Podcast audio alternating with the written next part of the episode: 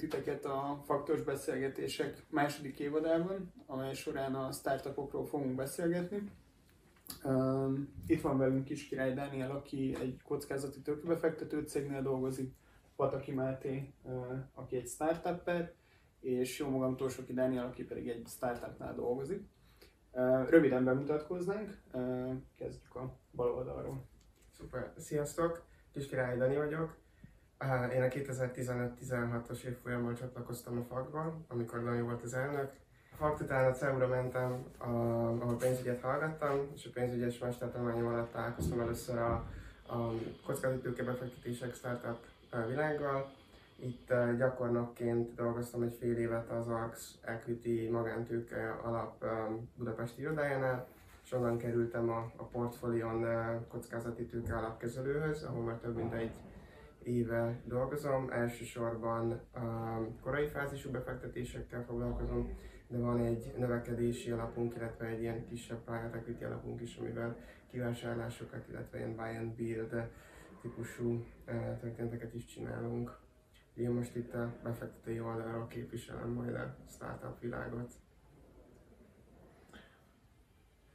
Én Pataki Máté vagyok, sziasztok! Én 2014 eh, ben végeztem az egyetemen, az jó rég volt. És, és dolgoztam először multinál, a Vodafone-nál két és fél évet, és aztán két ilyen fejlesztő ügynökségnél voltam projektmenedzser, termékmenedzser, és, és most már több mint, most már közel két éve a saját céget építünk, mobil alkalmazást a társammal, meg egy, egy barátom igazából, szintén egy faktoson keresztül ismertem meg, ez egy ilyen fun fact, és, és gyakorlatilag a, a, az első egy évben munka mellett csináltuk a, a, a, ezt a startupot, és, és most már egy bő éve full-time, full-time ezt a startupot építem.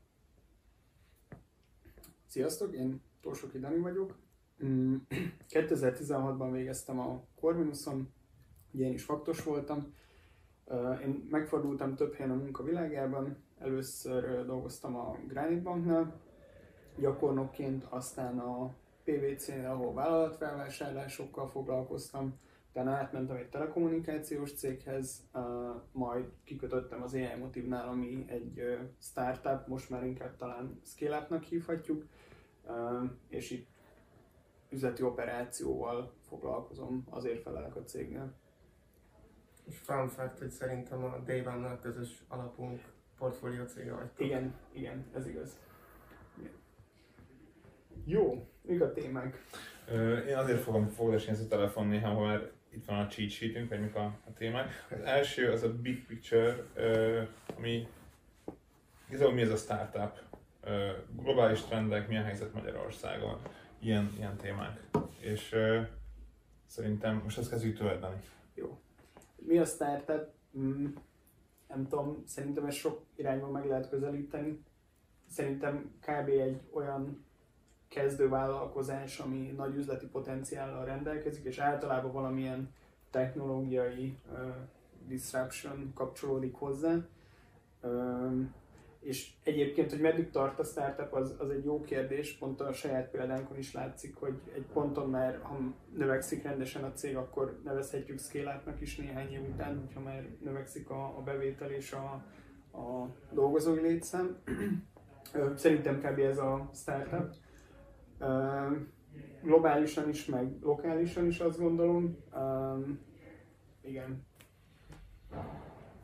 Jó, én szívesen rácsatlakozom erre. A, pont ez a startup scale-up elhatárolás, szerintem ez egy ilyen befektetői oldalról, ugye tőkebevonási köröket nézve, akkor nagyjából van ugye ez a pre-seed, amikor elindul a cég, seed, amikor már van némi traction, van, van, van termék, és, és egy, egy ilyen méretesebb kört vannak be a cégek, és szerintem egészen a Series A-ig nevezhetjük kb. startupnak, mm-hmm. amikor úgy már megjelennek a Series A sor előtt vagy, vagy után, a külföldi piacokon, és akkor elkezdenek terjeszkedni, és, talán, és általában hogy ezek mondjuk ilyen, most ma már eléggé megnövekedtek ezek a tőkebevonási körök, ezeknek a mérete, erről is beszéltünk majd később, de alapvetően ugye ez gyakorlatilag akkor addig nagyjából egy ilyen 10-15 millió euró értékben volt be a cég, és utána a Series B az, amikor talán már szerintem mindenképpen scale beszélünk, amikor már, már viszonylag érettebbek a külföldi piacai, és akár egy Series B emelés után az amerikai piacra is megy, de hogy ott onnantól már gyakorlatilag tényleg egy ilyen, egy ilyen érettebb, több éves cégről beszélünk,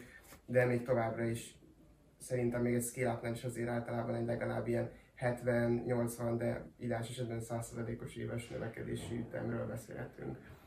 A startupnál szerintem, ami még szintén fontos így, így, így definíció szempontjából, főleg befektetői oldalról, az az, hogy, hogy egyrészt nyilván jó, ha reális, de hogy ambiciózus terveket szeretünk látni, tehát az, egy start, az azt különbözteti meg a startupot egy KKV-tól, amelyik éves szinten, főleg akár az első, első pár évben, amikor ugye viszonylag alacsony a bázis, de hogy akkor, akkor egy ilyen 3-5x-et tud nőni évente, akár felhasználó számban, akár, akár árbevétel vonatkozásában, tehát hogyha van egy olyan, egy olyan KPI, ami, ami üzletileg kvázi a legfontosabbnak tekinthető, és ezt évente 3-5-szörös mértékben tudják növelni. Tehát szerintem tényleg nagyon fontos az, hogy, hogy egy olyan, egy olyan megoldást fejlesztenek, amire, amire kvázi globális igény van, tehát hogy nem csak a, a, a magyar piacra fókuszálnak, hanem egy olyan, olyan kérdést, egy problémát próbál megoldani, amelyik, amelyik nemzetközi piacon is, is megjelenik. Tehát szerintem ezek amúgy így a fontosabb uh-huh. részei. Én amit így hozzá tudok tenni, hogy mindenki azt mondja, hogy, hogy, hogy a startup az most egy ilyen hatalmas buzzword szerintem, minden vállalkozás startup akar lenni. Szerintem a, a, ami itt igazán fontos, az a skálázhatóság, az az, hogy, hogy, hogy eljutni egy olyan szintre, ahol, ahol pici, egységnyi hozzáadott plusz energiából egy bizonyos pont után ki tud lőni az az érték, amit a, az az érték, az a, igen, amit, amit, amit teremt a, ez a vállalkozás. És szerintem itt van a nagy különbség Magyarország és, és, és globália között, hogy igazából Magyarország nagyon pici piac, egy, lehet, hogy ahhoz is pici, hogy egy, egy igazán érdekes újdonság csak innen el tudjon indulni, mert kevesen vagyunk és keveset fogyasztunk, de, de ettől függetlenül nevezhetjük startupnak például azt is, amit mit csinálunk, nevezhetjük nevezhetünk nagyon sok minden startupnak, de, de csomó mindenre meg lehet vitatkozni, például az, hogy, hogy, hogy hogy egy ilyen elektromos rolleres cég például startup csináltak egy mobilappot, és hogy ott azért ahhoz, hogy nőjenek, ahhoz, ahhoz, ahhoz elképesztően sok marketinget kell költeni, elképesztően sok hardwarebe kell befektetniük, mégis startupként kezeljük őket, meg úgy vannak benne a közbeszédben, tehát ez egy ilyen nagyon-nagyon partalan vita szerintem, hogy meg, meg nagyon-nagyon messzire vezet, és talán nem is ez a fókusz, a lényeg az az, az hogy, hogy, hogy a, a nagyon gyors növekedés és a, és a, és a skálázhatóság az, ami szerintem itt, itt fontos. Hmm. Egyébként csak egy érdekes kiegészítés az ilyen motívos példából, hogy ilyen, hogy a Máté mondta, az a startup ez egy nagy buzzword, de egyébként tud hátulütője is lenni. Például az autóiparban, hogyha valaki startupként definiálja magát, akkor kicsi a valószínűsége, hogy nagy szerződés, nagy projektet fog kapni, mert ott elvárják azt, hogy a cég az tudja azt garantálni, hogy a következő 15 vagy 20 évben is cég lesz, és szupportálni tudja a terméket. Ez érdekes. Szerintem a következő témaként, ami kapcsolódik ehhez, az, az, az simán lehetne a magyar, magyar ökoszisztéma, hogy ti hogy látjátok mm-hmm. kapcsolatot más startupokkal, befektetőkkel, Um, van egy a Startup Hungary, ami kvázi egy ilyen NGO-ként, egy ilyen önszerveződő közösségként próbálja ezt a a, a hazai startup ökoszisztémát így előre vinni. A hétfőn voltam, voltam az egyik a First, monday Igen, igen, és érdekes volt. Az amúgy jó, minden, most már tök jó, hogy személyesen vannak, én még nem voltam, én most a következő évben én is elmennék, és ezen a héten még nem, nem tudtam elmenni, de szerintem amúgy tök jó kezdeményezés. Um, szóval, tehát, hogy jobban ezt említetted a piacméretet, mm-hmm. annak ellenére itt a régióban mégiscsak vannak kisebb országok, kisebb piacok, akár ilyen széles CI régióról beszélünk, mondjuk, amiben mondjuk a Baltikum is beletartozik, ahonnan azért jó sok jó nagy cég vagy unikorn is, is kilőtt már, hogy... Ez pont erről, erről volt szó például az hétfői meetupon is, olyan cégeket említettek, mondjuk például a Skyscanner, akik a nulladik pillanattól kezdve azt mondták, hogy én nem a lokális piacra akarok rámenni, hanem kapásból a globális piacra akartak fejleszteni. Aztán nagyon sok olyan, olyan software as a service van, ami szintén azonnal ki tud lépni az adott ország piacáról. Szóval most, most hogy szabadba vágtam, de ez egy podcast ilyenkor ezt lehet csinálni. Szóval, szóval ez csak egy ilyen hozzáadás, hogy, hogy nem azt mondom, hogy nem lehet Magyarországról megcsinálni, azt mondom, hogy a magyar piac, mint kifutópálya szerintem elég rövid. Aha. Nem, én csak, tehát hogy így ugye a befektető oldalról uh, minket azért, legalábbis engem azért tényleg zavar, hogy viszonylag kevés magyar lehetőséggel találkozunk, pedig pénz van a piacon, tehát hogy nem, nem csak mi vagyunk az egyetlen befektetők, meg egyébként most tényleg sok, sok aktív alap van.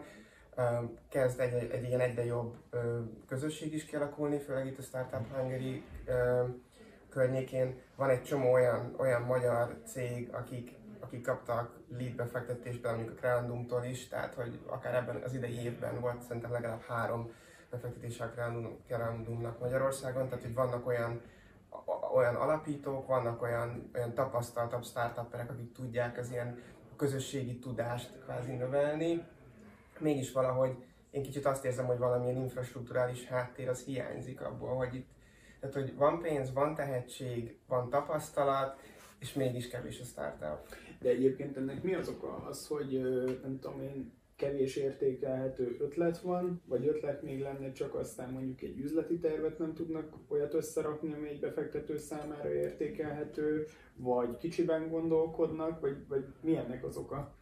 Hát alapvetően ugye ez részben egybe, egybe is ér azzal, hogy, hogy, hogy mindenki az elején ugye startupot akar indítani, de hogy jött, jött hozzánk például olyan megkeresés, akik a, az elbeszámolók vagy az e-cég jegyzékre automatizáltak a megoldást, ami ugye teljesen lokális megoldás. Mhm. Tehát ugye a magyar piacon van egy pár KKV, és lehet nagy cég, de hát ugye ez abszolút nem, nem skálázható.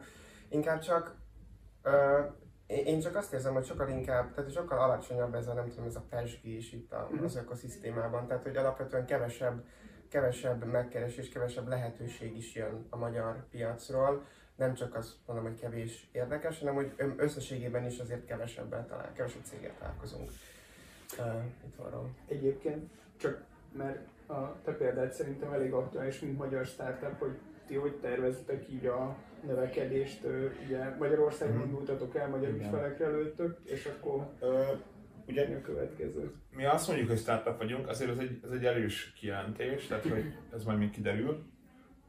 Öm, alapvetően mi most meg be fogunk vonni egy, egy üzleti angyaltól, egy, egy, igazából egy ismerőstől fogunk bevonni minimális pénzt, nem is pénzt, inkább tudásra van szükségünk, és szeretnénk elmenni, elmenni más országokba is. És amit mi most csinálunk, az, az annyiban skálázható, mint, tehát annyiban vagyunk startup, mint mondjuk az EMAG, aki csinált egy ilyen kereskedelmi platformot, és gondolom Bulk olcsóbban veszi a Samsung-tól a tévét, és aztán adja.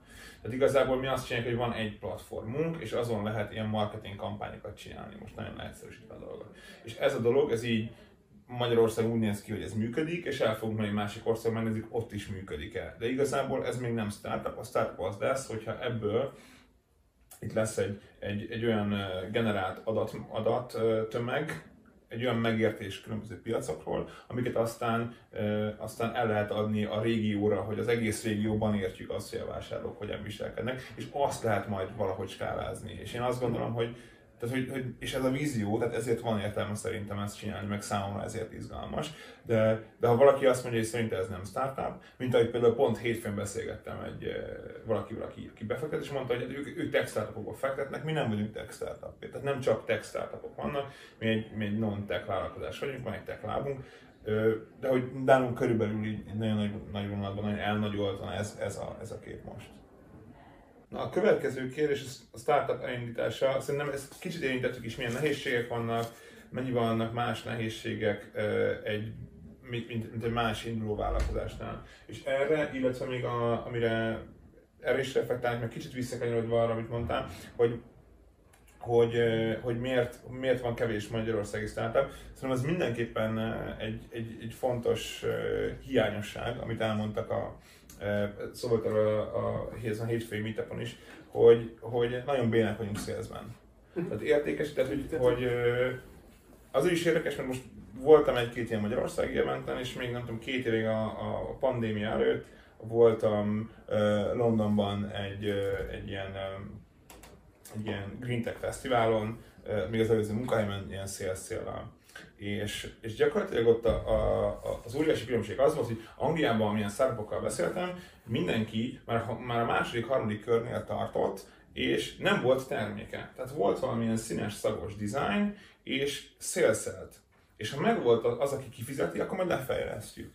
Tehát teljesen más mindset. Magyarországon meg, meg először akarunk valamit csinálni, és aztán meglátjuk, hogy el lehet valakinek adni ingyen, vagy még fizetünk csak használni. Tehát, hogy, hogy ez egy, ez egy dolog. A másik dolog, hogy, hogy ezt mondjuk mi tapasztaljuk például, amikor egy új marketing megoldást próbálunk eladni a, különböző magyarországi márkákat, nincs döntéshozatal mondjuk Magyarországon. Amerikában, hogyha oda mész egy céghez, a Starbucks, hogy van egy új marketing megoldáson, próbált ki, lehet, hogy a, a, az a kb. a hierarchiában középen vagy alsó, alsó középső régióban dolgozó ö, munkavállaló, akit megtalálsz, ő azt mondja, hogy na gyere, viszlek a főnökömhöz, nézzük meg, hogy tudunk-e valami izgalmasat csinálni, és ott bátrak az emberek, mert így lehet előre menni. Magyarországon meg mindenki, most bocsánat, de félti a segét, hogy mi van, ha rosszul sirál, és inkább nem vágunk bele. És ez a fajta mentalitás szerintem ez egy visszahúzó erő, én remélem, hogy azért csökken, remélem, hogy egyre kevésbé van, de hát azért cipelünk a hátunkon egy ilyen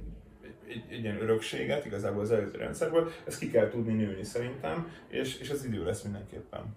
Az más kérdés, hogy mondjuk más országok ezt miért, miért növik ki talán gyorsabban, mondjuk a balti országok, vagy... Mm. Igen, amúgy egyébként szerintem tényleg um, szerintem két nagyon fontos, fontos témálésre, témát is érintettél. Uh, az egyik, ez tényleg ez a sales, kap, a sales tudás hiánya itt az országon belül, uh, illetve ehhez kapcsolódik az is, hogy, hogy, hogy a helyi, tehát a helyi döntéshozatalnak milyen, milyen, milyen hatásköre van Um, mert mi is láttunk olyan, olyan régiós startupokat, akik itt voltak a magyar Telenornál, de ez nem a magyar Telenor döntése volt, hanem a, hanem a cseh Telenor döntése volt. Um, tehát ugye alapvetően igen, főleg B2B sales vonalon, én azt gondolom, hogy nagyvállalatoknak tényleg egyrészt nehéz, mert kevés jó széleszes van, másrészt meg tényleg azért is nehéz eladni, mert, mert, mert um, iszonyatosan hosszú ez a, ez a, ez a ciklus, és, és legtöbb esetben tényleg itt van a döntéshozatal. Uh, szerintem ami, ami még így startup alapításról, de ez akár, akár egy normál KKV-vel kapcsolatban is igaz lehet, hogy azért az mégiscsak egy ilyen, egy ilyen halálugrás a semmibe. Tehát, hogy, hogy azért az eléggé sok, uh, tehát eléggé nagy elszántságot és, és akaraterőt és bátorságot igényel szerintem, hogy, hogy valaki ez egy, egyik nap felálljon az íróasztaltól, és akkor az, és másnap pedig elkezdi a saját céget, um, ahol sokkal több a bizonytalanság, és um, Hát meg nem kapsz fizetést. Abszolút, igen. Ez, tehát, hogy, hogy erre fel az, ez egy, azért egy elég, elég erős váltás a, a minden hónap, minden hónap 5. és 10 között így jön egy, jön egy zsákpénz az ember számájára, attól kezdve az, hogy így most már így nem. Igen, tehát abszolút. Uh, szerintem nagyon, tehát sokaknak nehéz az is, az is valószínűleg, hogyha, hogyha a maguk ura, tehát hogy, hogy te hoztad be az idődet, és rajtad áll vagy bukik az, hogy most tényleg jön a hónap végén fizetés. Szerintem ez valakinek motiváló, valakinek valószínűleg kevésbé, de alapvetően szerintem marha nehéz lehet elindítani. Um, mi találkoztunk olyan magyar cégekkel, akik még mind full-time dolgoztak, és akkor ez egy ilyen side project volt, és az volt a mondás, hogy ha megjön az első tőkebevonás, a, a, vagy tehát az első adag pénz a számlára, akkor ott hagyják az állást, és akkor full time ezzel fognak foglalkozni. Uh, és ugye ez nekünk azért általában mindig egy ilyen, egy ilyen vészlámpa szokott lenni, tehát azért szeretünk látni legalább egy teljes, vagy ilyen full-time munkavállalót a cégnél, mert ez, tehát ez a saját, ez az általuk a saját megoldásukba vetett bizalmat is mutatja egy mm. kicsit, hogy, hogy akkor ők mennyire komitáltak a megoldás kapcsán. Mm. De szerintem egyébként ezek, amiket, amiket említettél te is, hát ezek, ezek, ezek a nehézségei a startup indításnak. Nézzünk másik témát. Jó. Igen, de te, te gyakorlatilag arról tudsz mesélni, hogy, hogy, hogy mi az, amikor egy startup már elindult, már van egy termék, és igazából, és ott egy, egy hogy lehet ezt is szervezetileg is gondolom, szervezetileg meg, meg operáció szempontjából skálázni. Rátérhetünk erre is, igen.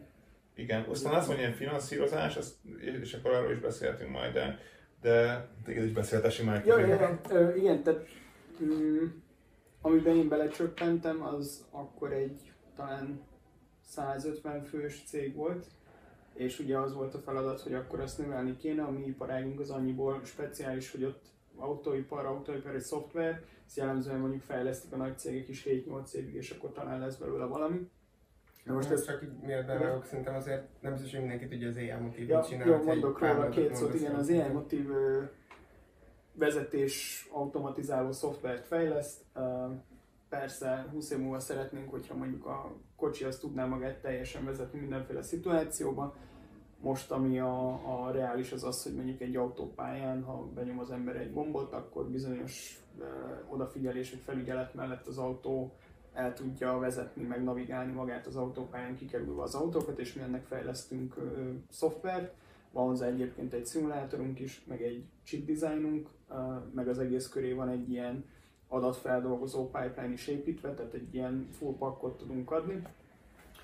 Ö, na és igen, a, a mi iparágunk az annyiból speciális, hogy ezt ilyen egy vagy két fővel lehetetlen elindítani kb. Tehát ez kell, nem tudom én, 50-100 fejlesztő, hogy valami egyáltalán kijöjjön belőle, viszont az egy érdekesség, hogy ennek is van előnye, mert a legtöbb versenytársunk az mondjuk a valley van, és ott tudjuk, hogy egy átlag fejlesztőnek a fizetése háromszor annyi, mint a miénk, vagy hogy, hogy azért az AI motivnak ez gyakran befektetés, hogy ehhez képest mondjuk egy másik, eh, még egy, egy, egy, egy tényleg pure tech startup, mint a Bitrise, ami egy, egy, egy, egy viszonylag free, friss, ahhoz képest egy friss magyar sztori, ő en, egy nagy rendel kevesebb pénzt kapott kb. mint ti, ti összesen ilyen 60 millió euró körül kaptatok, és ő meg ilyen 10 alatt szerintem. Igen, meg aztán a mi versenytársainknál meg ott úgy röpködnek a 100 milliók egy körben, mm. tehát hogy igen, így, így mihez viszonyítasz. Igen. Um, igen. A, na és hogy hát hogyan lehet skálázni, ez, ez egyébként egy teljesen valid kérdés. Ahogy a nagykönyvben meg van írva, elindul egy kis cég, van egy kis csapat, családnak érzi magát, aztán van egy pont, amikor ez így elkezd gyorsan felfutni, ott sok embert fel kell venni, nyilván nehéz a HR folyamatokat is úgy alakítani, hogy csak a legjobb emberek, csak a legjobban odaillő emberek jussanak be. És igen, ez megtörténik 100-150 vagy 200 fő felett, hogy a régieknek derogál az, hogy miért van itt ennyi új, nekik már miért nincs akkor a ráhatásuk a döntésekre, kevésbé van meg ez a családi hangulat, pedig szintén egy ilyen kis KKV, és igen, itt, itt sokan a régiek közül lecsörnölődnek, Uh, tulajdonképpen ezért, mert hogy már nem érzik magukénak ezt a céget annyira, mint mondjuk volt az egy vagy két évvel, vagy 100 vagy 150 fővel azelőtt, tehát ez például Igen. érdekes.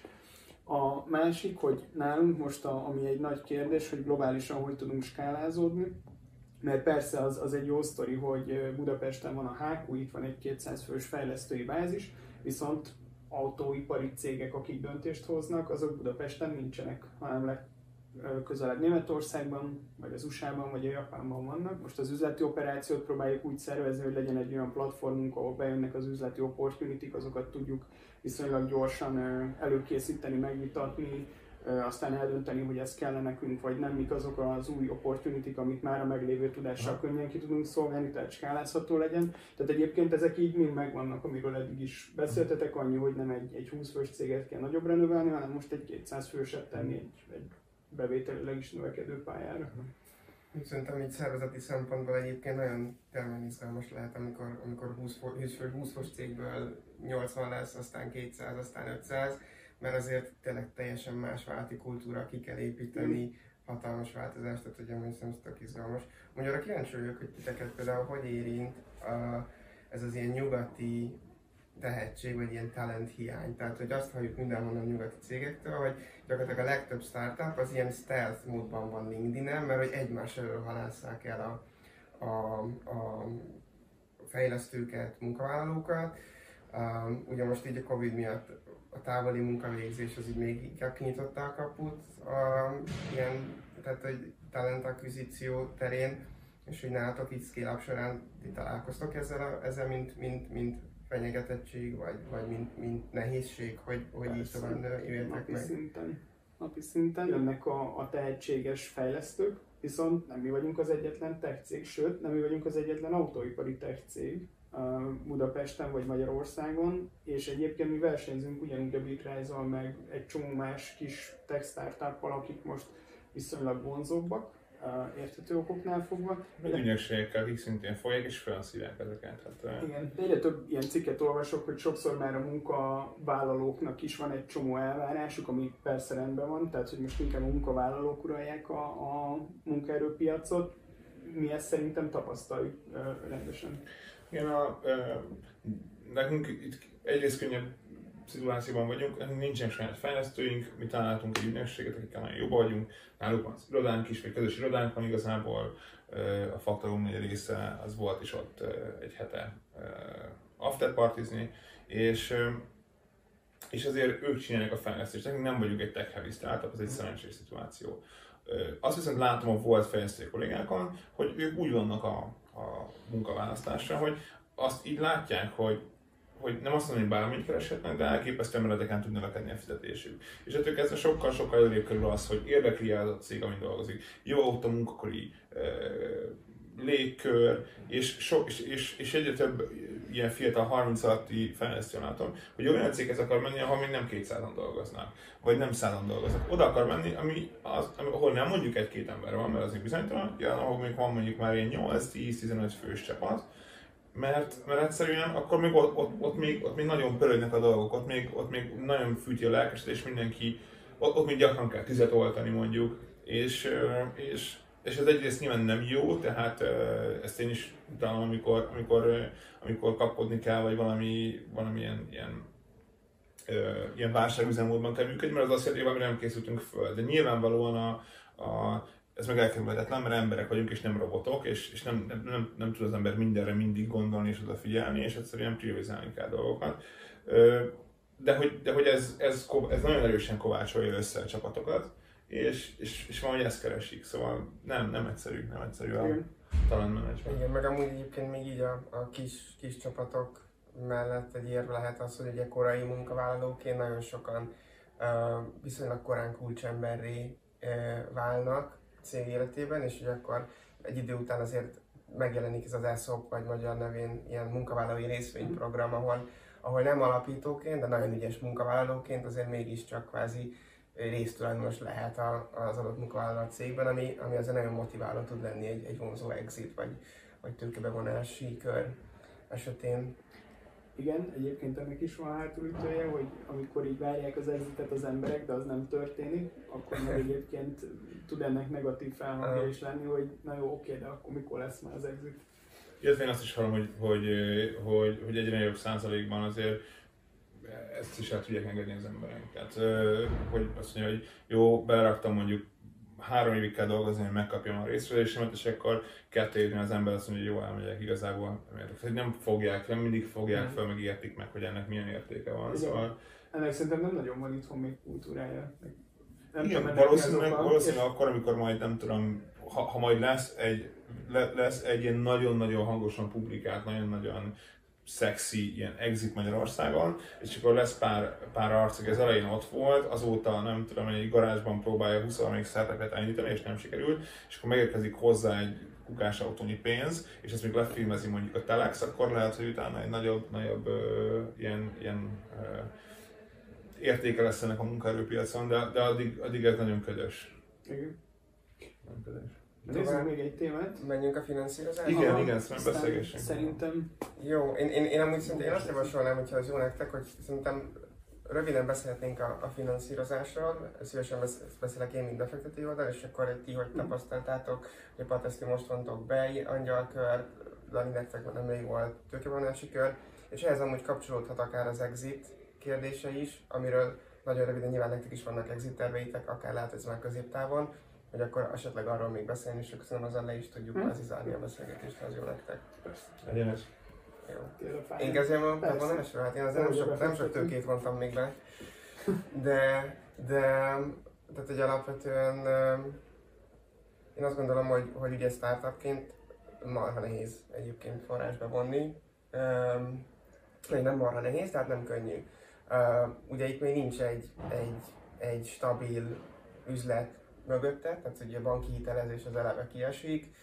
Um, ilyenkor nagyjából a, a, a, a kockázati alapok is, is a megoldásba, piacba vetett hitbe, vagy, vagy az alapítói csapatba fektetnek, um, ami, ami azért e, vannak ennek, ennek kvantitatív részei, de vannak amúgy ilyen kvázi kvalitatív vagy marha szubjektív részei is. Tehát szerintem, hogy befektetőként uh, és minél korábban korábban fektetnek be, tehát mondjuk én pre-seed, meg, meg, meg seed, nálunk amúgy az ilyen sweet spot, az a seed és seed között van a korai fázisú alapnál. Tehát minél korábbra mész, annál jobban ilyen lézerfókusszal kell egy egyetlen egy vertikumot nézned, és gyakorlatilag azzal kapcsolatban tézisek mentén befektetned, és jobban ismerni a piacot. Úgy tudsz szerintem határ, határ, ilyen hatékony lenni, meg, meg, meg sikeres is. De hogy marha nehéz tehát hogy nekünk sincsen egy ilyen, nem tudom én, scorecardunk, hogy ki, ha, ha a cég mindent kipipál, akkor, akkor megyünk tovább, vagy akkor befektetünk. Tehát, hogy így ez ilyen case by case, megnézel tényleg ezer céget, abból beszélsz százzal, és akkor te tízzel még utána beszélsz még, még egyszer, és utána egybe befektetsz. Tehát kvázi ilyenek a, ilyenek a számok, és itt tényleg nagyon összetett, és nagyon oda kell figyelni megérzésekre hagyatkozni. Szóval alapvetően azért ez egy, ez egy szerintem mind startup, mind befektető oldalon egy időigényesebb folyamat tud lenni, tehát mondjuk egy startup elkezd fundraiselni, akkor szerintem azért az alsó hangon egy ilyen két-három hónapos folyamat tud lenni, mire megérkezik a számlára a pénz. Uh, nyilván mi, mint befektető, azért próbálunk minél gyorsabbak lenni és gyorsan döntést hozni, és akkor tényleg így teljes erővel csak az adott, adott lehetőségen uh, dolgozni. Mondjuk most már jelentek meg főleg korai fázisban ilyen konvertálható hitelek, meg ez a, ez a safe szerződés, ugye, uh, ami gyakorlatilag azt, és abban segíti a startupokat, hogy egy szerződés vagy papír ellenében marha gyorsan megkapják a, a, a, a friss tőkét, amit utána um, tulajdon vagy részvényi lehet konvertálni a következő körökben. De hogy azért... Nézzetek utána, mert ez csak izgalmas, vagy kérdezzetek meg, hogy a Fodorkó Gábor mesélt nekem erről is, nagyon ért a témához. Ja, igen. Ugye a Manuskának is vannak uh, kockázati tőkebefektetői, úgyhogy, uh-huh. úgyhogy ő is benne van. Ja, szerintem, hogy eleget okoskodtam, de most átadom az ott nektek is. Egy pár, ezt itt tovább tudom vinni körülbelül szerintem ezt a számot. Mi a, azt, hogy körülbelül mit szeretnénk, azt az angyal, aki most be fog fektetni hozzánk, júliusban három-négy meeting meg e-mail váltás közben így leegyeztettük a kereteket, és utána az, hogy utána ebből legyen egy, egy, egy szerződés, és ez nekünk volt, van egy, egy darab csendes társunk az elején, aki igazából az ilyen jogi dolgokat intézi nálunk, és van egy ügyvédi irodája, de hogy amúgy nem szól abba, hogy a day-to-day operation az hogy megy, mire ezt vele átbeszéltük, aztán utána, utána mindenki megegyezett mindenben, aztán utána elindult, hogy ebből legyen egy, egy, egy szindikátusi szerződés, stb. Azért ez, hogyha, hogyha senki sem, senkinek sem az a, az ilyen full-time jobja, hogy ezt így drive hogy gyorsan menjen végig, akkor ez remélem, hogy így ebben a hónapban aláírjuk majd ezt a dolgot, de hogy most így november van.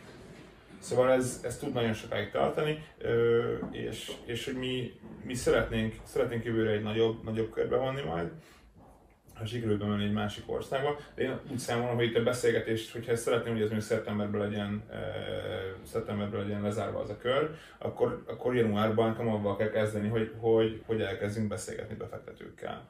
A, ami, és ebben a, a nehézség szerintem e, vállalkozói oldalról, az pedig az, hogy hogy minél kisebb egy startup, annál több extra súlyt jelent a befektetésnek a, a szervezése. Tehát én nem abban akarok foglalkozni, hogy a decket hegeztem, amivel majd el, eladom magamat, vagy, vagy hogy, vagy hogy vagy hogy túl csiszolom a financial modellinget, meg előrejelzést, mert ha most előrejelzhetem, hogy mi lesz egy év múlva, tehát basszus fogalmam sincs. Azt tudom, hogy kb. mi lesz az következő 3-6 hónapban, és az alapján, és vannak reményeim, meg vannak vágyaim, de most az, hogy én túl szofisztikáljam, hogy mi lesz két év múlva, hát teljesen értelmetlen. Nyilván, de, de át kell, az is érthető, hogy másik oldalon át kell tudnom adni, hogy a befektetőnek elmondjam, hogy azok a terveim, hogy, és így meg így fogunk oda eljutni. És, tehát, hogy, hogy, hogy azért ez egy, ez egy, amit el akarok itt mondani, ez egy viszonylag nagy teher munkaórákban, egy olyan fázisban a startupon, amik vagy a, vagy a induló vállalkozáson, amikor alapvetően a, a rendelkezésre álló idő az a, az a pénz, mert a, a másik nagyon-nagyon szűk munkaidő, az a, az a nagyon-nagyon szűk, persze. szűkös erőforrás. Szóval ez nem egy, nem egy, nem egy egyszerű dolog most. De izgalmas persze. És talán ti hogy láttátok, csak nagyon röviden egy ilyen későbbi körös tőkebevonásra elmész? Hát igen, ott már más problémák vannak, mert ugye vannak a korábbi befektetők, akkor ugye a kérdés, hogy ők jönnek-e, nem jönnek, azért általában az egy jó indikáció, hogyha szeretnének a következőbe is beszállni. Nyilván főleg szerintem a magyar cégeknél, hogy elindul mondjuk egy magyar kisbefektetés, aztán amikor szépen nő a cég, és most már egy nagyobb kör kéne, egy nagyobb ticket size de hogy mondjuk nagyságrendileg nem csak 100 ezer euró, hanem 10 vagy 20, akkor, a, tessék? Millió. Millió, bocsánat, igen. 10-20 ezer euró. 10, igen. ott, ott azért meg kellenek a külföldiek, mert az általában itt a régióban nem ekkorák a, a fándok, hogy maguk egy ilyen befektetést elvigyenek, vagy egy ilyen tiketet egy cégbe, meg nyilván ők is diversifikálni szeretnének. Ö, és hát igen, azt tudni kell, hogy kik egyáltalán a befektetők úgy a globál piacon, ezekkel kapcsolatot tartani, legalább az, hogy legyen vizibilitása az embernek, mert valószínűleg az adott piacon lesz, nem tudom én, 20-50-100 másik cég, akik ezektől a befektetőktől pénzt szeretnének, és erre mind odafigyelni, hogy aztán egy, egy jó sztori legyen, ami a, a befektetőknek tetszik, ez nem annyira egyszerű. És amit pont a Patesz is mondott, hogy igen, persze minden befektető feltételezem azt szeretné látni, hogy így egy exponenciális növekedés jön. Igen, ami egyébként oké, okay, onnantól, hogyha emögé valami tartalmat is tud tenni az, aki ezt a modellt összerakja, mert, mert felrajzolni egy Excelbe, az Excel mindent el, elbír, de azt megmagyarázni, hogy igen, három év múlva a mostanihoz képest az a mondjuk tízszer akkora bevétel az hogyan is fog összeállni, meg annak milyen erőforrás vonzata van, az azért átgondolást igényel. Persze. Meg amit a Patesz is mond, hogy, hogy azon tényleg agyalni napi szinten, hogy ez akkor tényleg hogy fog kinézni, ezt hogy adjuk el a befektetőknek.